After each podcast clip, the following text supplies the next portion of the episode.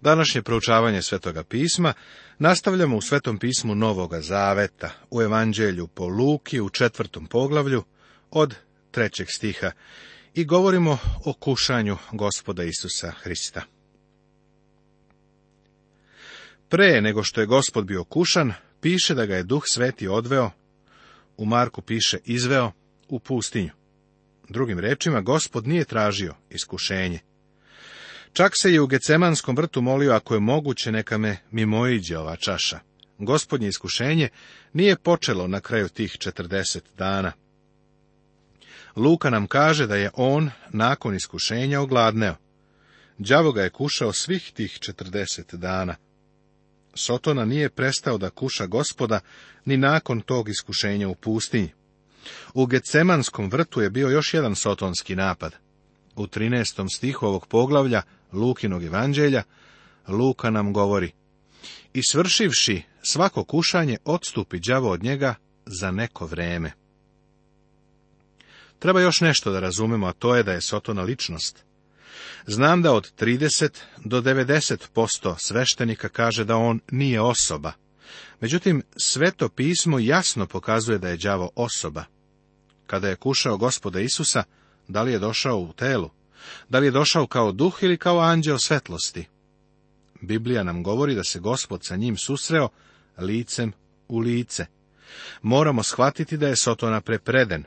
U jednom momentu on je kao ričući lav koji traži koga će da proždere, a u drugom on je anđeo svetlosti, koji se trudi da prevari čak i izabrane. Vidi prvu poslanicu Petrovu peto poglavlje, drugu poslanicu Korinčanima jedanaesto poglavlje i tako dalje. Kakav je smisao Isusovog kušanja? Reč kušati ima dvostruko značenje.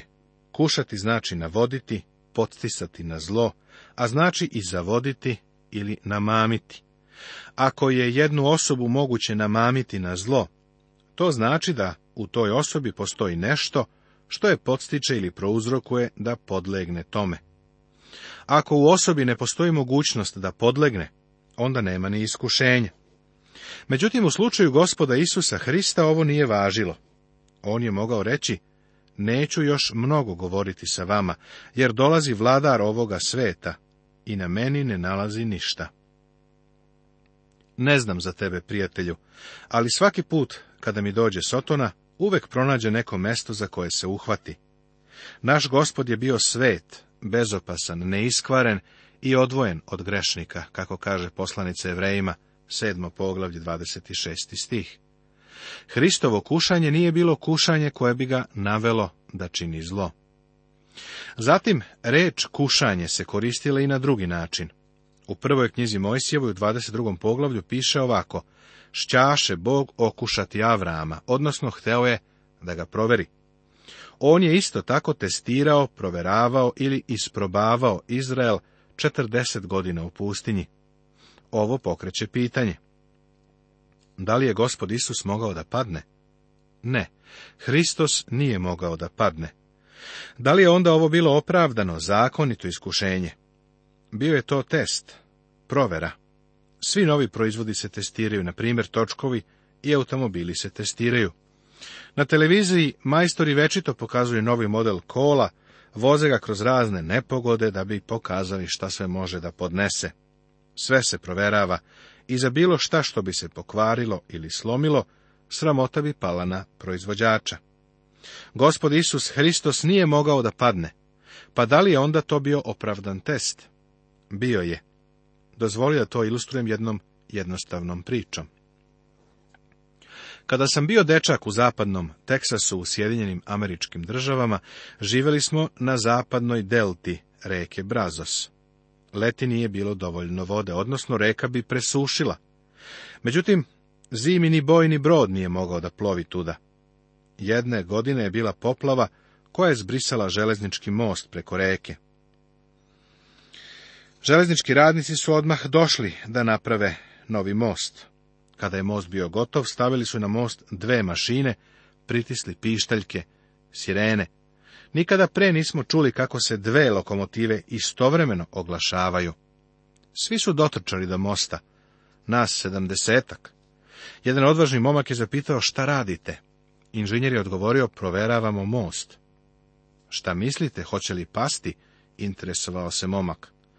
Naravno da neće, odgovorio je inženjer skoro sa podsmehom ako znate da neće pasti, zašto ste dovezli dve lokomotive na most? Pitao je mladić. Tek toliko da dokažemo da neće pasti, odgovorio je inženjer. Takvo je bilo i gospodnje kušanje. Pokazalo nam je da imamo spasitelja koji je svet, bezazlen, neokaljan, odvojen od grešnika i kojim može da spase one koji dolaze njemu. Gospod je iskušan ili proveravan na način na koji mi nikada ne bismo mogli biti kušani. Kada mi bivamo proveravani, kada smo na testu, uvek postoji neka prelomna tačka. Kada je dosegnemo, dolazi do preloma ili sloma i onda pritisak popušta. Od gospoda Isusa taj pritisak nikada nije bio uklonjen. To je bilo trostruko iskušenje, fizičko, psihičko i duhovno. Gospod je kušan u fizičkoj oblasti. Tada mu reče đavo, ako si sin Boži, reci ovom kamenu da postane hleb. Đavo nije tražio od gospoda da počini zločin. Hleb je neophodna životna namirnica. Jednom prilikom gospod je nahranio mnoštvo od pet hiljada ljudi, a drugom prilikom je nahranio četiri hiljade ljudi. Eva je pogledala drvo koje je bilo usred Edenskog vrta i vidjela da je dobro za jelo, zato je pojela njegov plod. Jovan ovaj test naziva testom požude i želje tela u prvoj poslanici Jovanove u drugom poglavlju, u 16. stihu. Čovek, kao što znaš, mora da živi, a da bi živeo mora da jede. Ovo je danas filozofija mnogih ljudi. Masa ljudi uzvikuje šta ćemo jesti i piti i u šta ćemo se obući. Ovo je nešto na šta se ceo život većine ljudi sveo. Ljudi će postati nečasni, krašće, kockaće se i ni od se neće ustezati da bi udovoljili svome telu. Žene će se odreći svoje vrline radi bunde ili dijamantskog prstena. Sotona je otkrio kako malo ceni čovečanstvo kada je rekao gospodu, kožu za kožu i sve što čovjek ima daće za dušu svoju. Za život svoj po drugim prevodima, ovo je zapisano u knjizi Jovovoj u drugom poglavlju u četvrtom stihu. Ovo nije bilo tačno jer se Jov nije predao.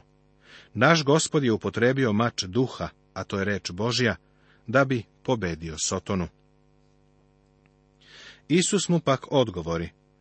Napisano je da čovjek neće živjeti o samome hlebu. Sotona je zatim testirao gospoda u psihičkoj oblasti i odvede ga gore, te mu u tren oka pokaza sva svetska carstva. I reče mu đavo, tebi ću dati svu ovu vlast i slavu njihovu, jer je meni predana i ja je dajem kome hoću. Ako se dakle pokloniš predamnom, sve će biti tvoje. Isus pak odgovori i reče mu, napisano je, klanjaj se gospodu Bogu svome i njemu jedinom služi. Ova provera se odnosila na ono što Jovan naziva požudom očiju, u Edenskom vrtu, Eva je gledala plod drveta koje je bilo nasred vrta, pa je vidjela da je prijatno za gledanje. Sotona je odveo Hrista na vrh planine i pokazao mu carstva sveta, koja mu je i ponudio. Svetska carstva uključuju i rimsko carstvo, ali Hristos je bio na putu ka tronu putem krsta. Sotona je govorio, propusti, izbegni krst. Apostol Pavle nam kaže, reč ili propovedanje o krstu je ludost za one koji propadaju. Kakva ludost krenuti putem patnje, kada je Sotona nudio lagan put ka tronu. Dozvoli da sada kažem nešto što ćete možda šokirati.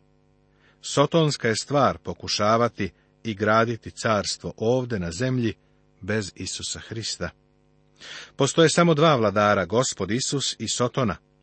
Ako ne uzimaš u obzir gospoda, moraš uzeti drugoga. Apostol Pavle je rekao, jer sam odlučio da među vama znam samo Isusa Hrista, i to raspetoga. Na kraju je gospod bio testiran u oblasti duhovnog.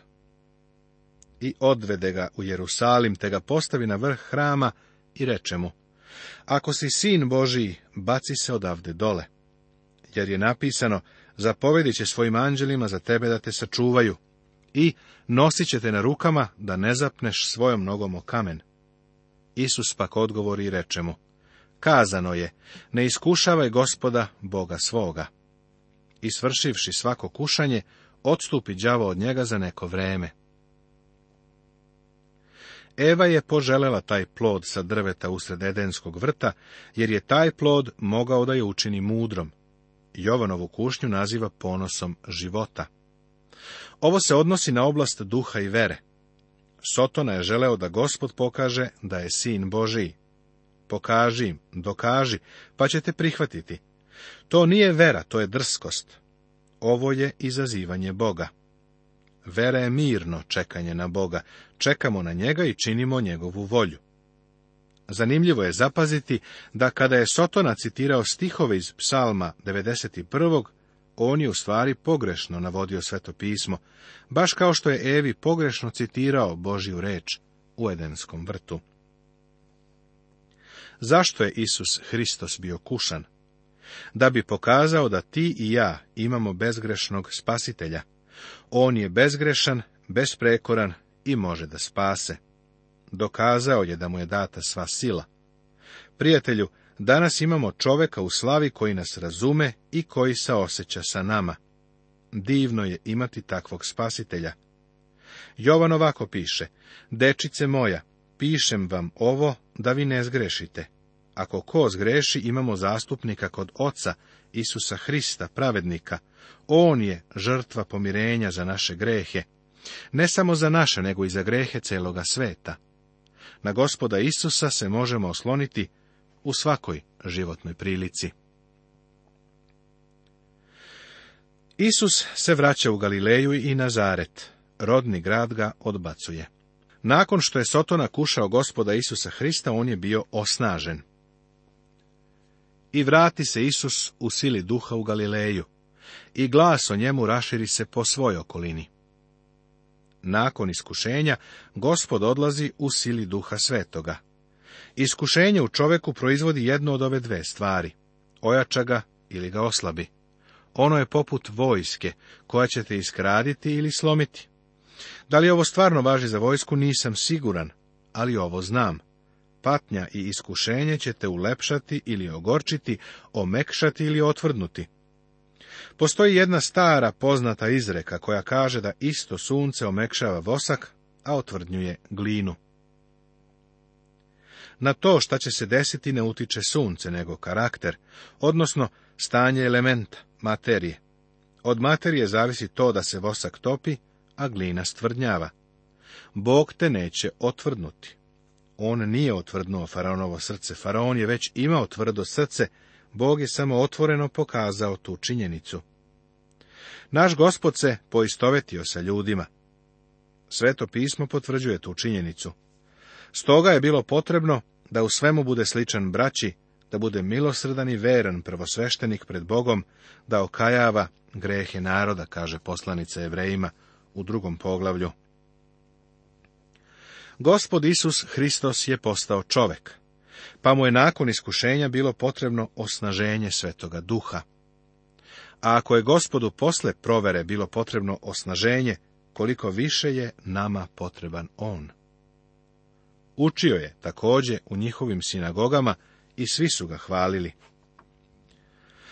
Nakon iskušenja, gospod se vratio u Galileju i poučavao je u sinagogama. Ljudi su ga slavili, kritikovali su ga i hvalili. Ovaj stih zvuči kao doksologija, slavljanje. Vidiš, moguće je slaviti ga, a potom ga odbaciti. Moguće je pevati hvalospeve, a onda odbaciti njegove izjave. Ista gomila sveta koja je vikala Osana, sljedećeg dana se pridružila masi koja je uzvikivala Raspniga. Razmišljamo o jednoj slici raspeće na kojoj je u prednjem planu prazan krst, a u pozadini magare koje jede osušene palmine grane. Baš tako je bilo. Jednoga dana su gospoda slavili, a sljedećeg su ga razapeli. Sada dolazimo do jednog od najlepših događaja koji su zabeleženi u Božjoj reči. To je iskričava priča koja sjaji svetlošću, puna je značenja. Divno je razmatrati je, a evo kako je tu priču ispričao doktor Luka. I dođe u Nazaret, gdje je odrastao, pa uđe u subotnji dan u sinagogu, po svom običaju, te usta da čita. I dadoše mu knjigu proroka Isaije, pa je otvori i nađe mesto gde je bilo napisano, Duh gospodnji je na meni, zato me je pomazao i poslao da objavim radosnu vest siromašnima, da javim zarobljenima da će se pustiti i slepima da će progledati, da otpustim potlačene, da najavim prijatnu godinu gospodnju. I zatvori knjigu, dade službeniku te sede, a oči svih ljudi u sinagogi behu uperene u njega. I poče im govoriti. Danas smo čuli ispunjenje ovoga pisma. Ovaj događaj zapisuje jedino lekar Luka, a toliko je izvanredan da ne možemo preći preko njega. Kazano nam je da je nakon iskušenja gospod otišao u grad u kome je odrastao. Uopšteno gledajući, taj grad je ponosan što je njegov meštanin postao tako slavan.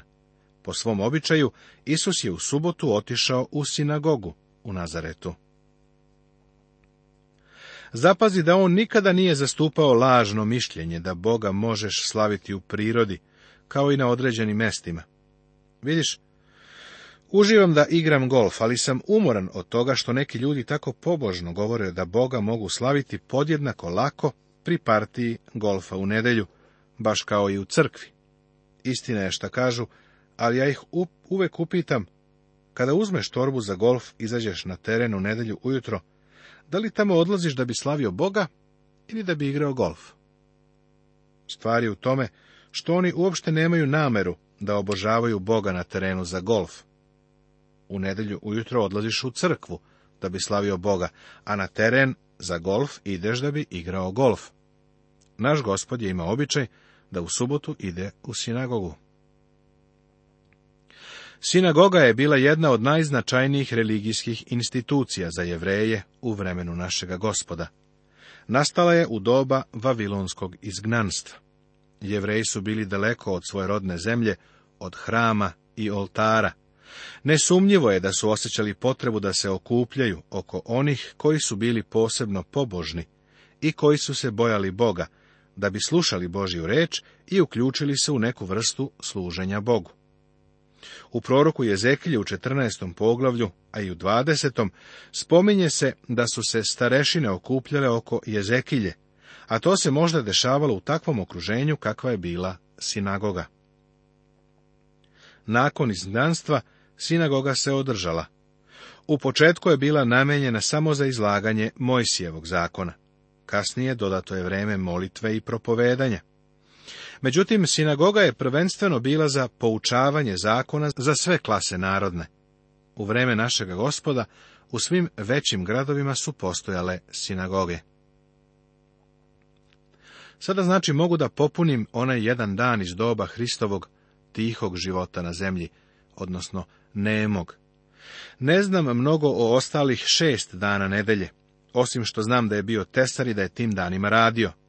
Ali znam da je svakog sedmog dana odlazio u sinagogu.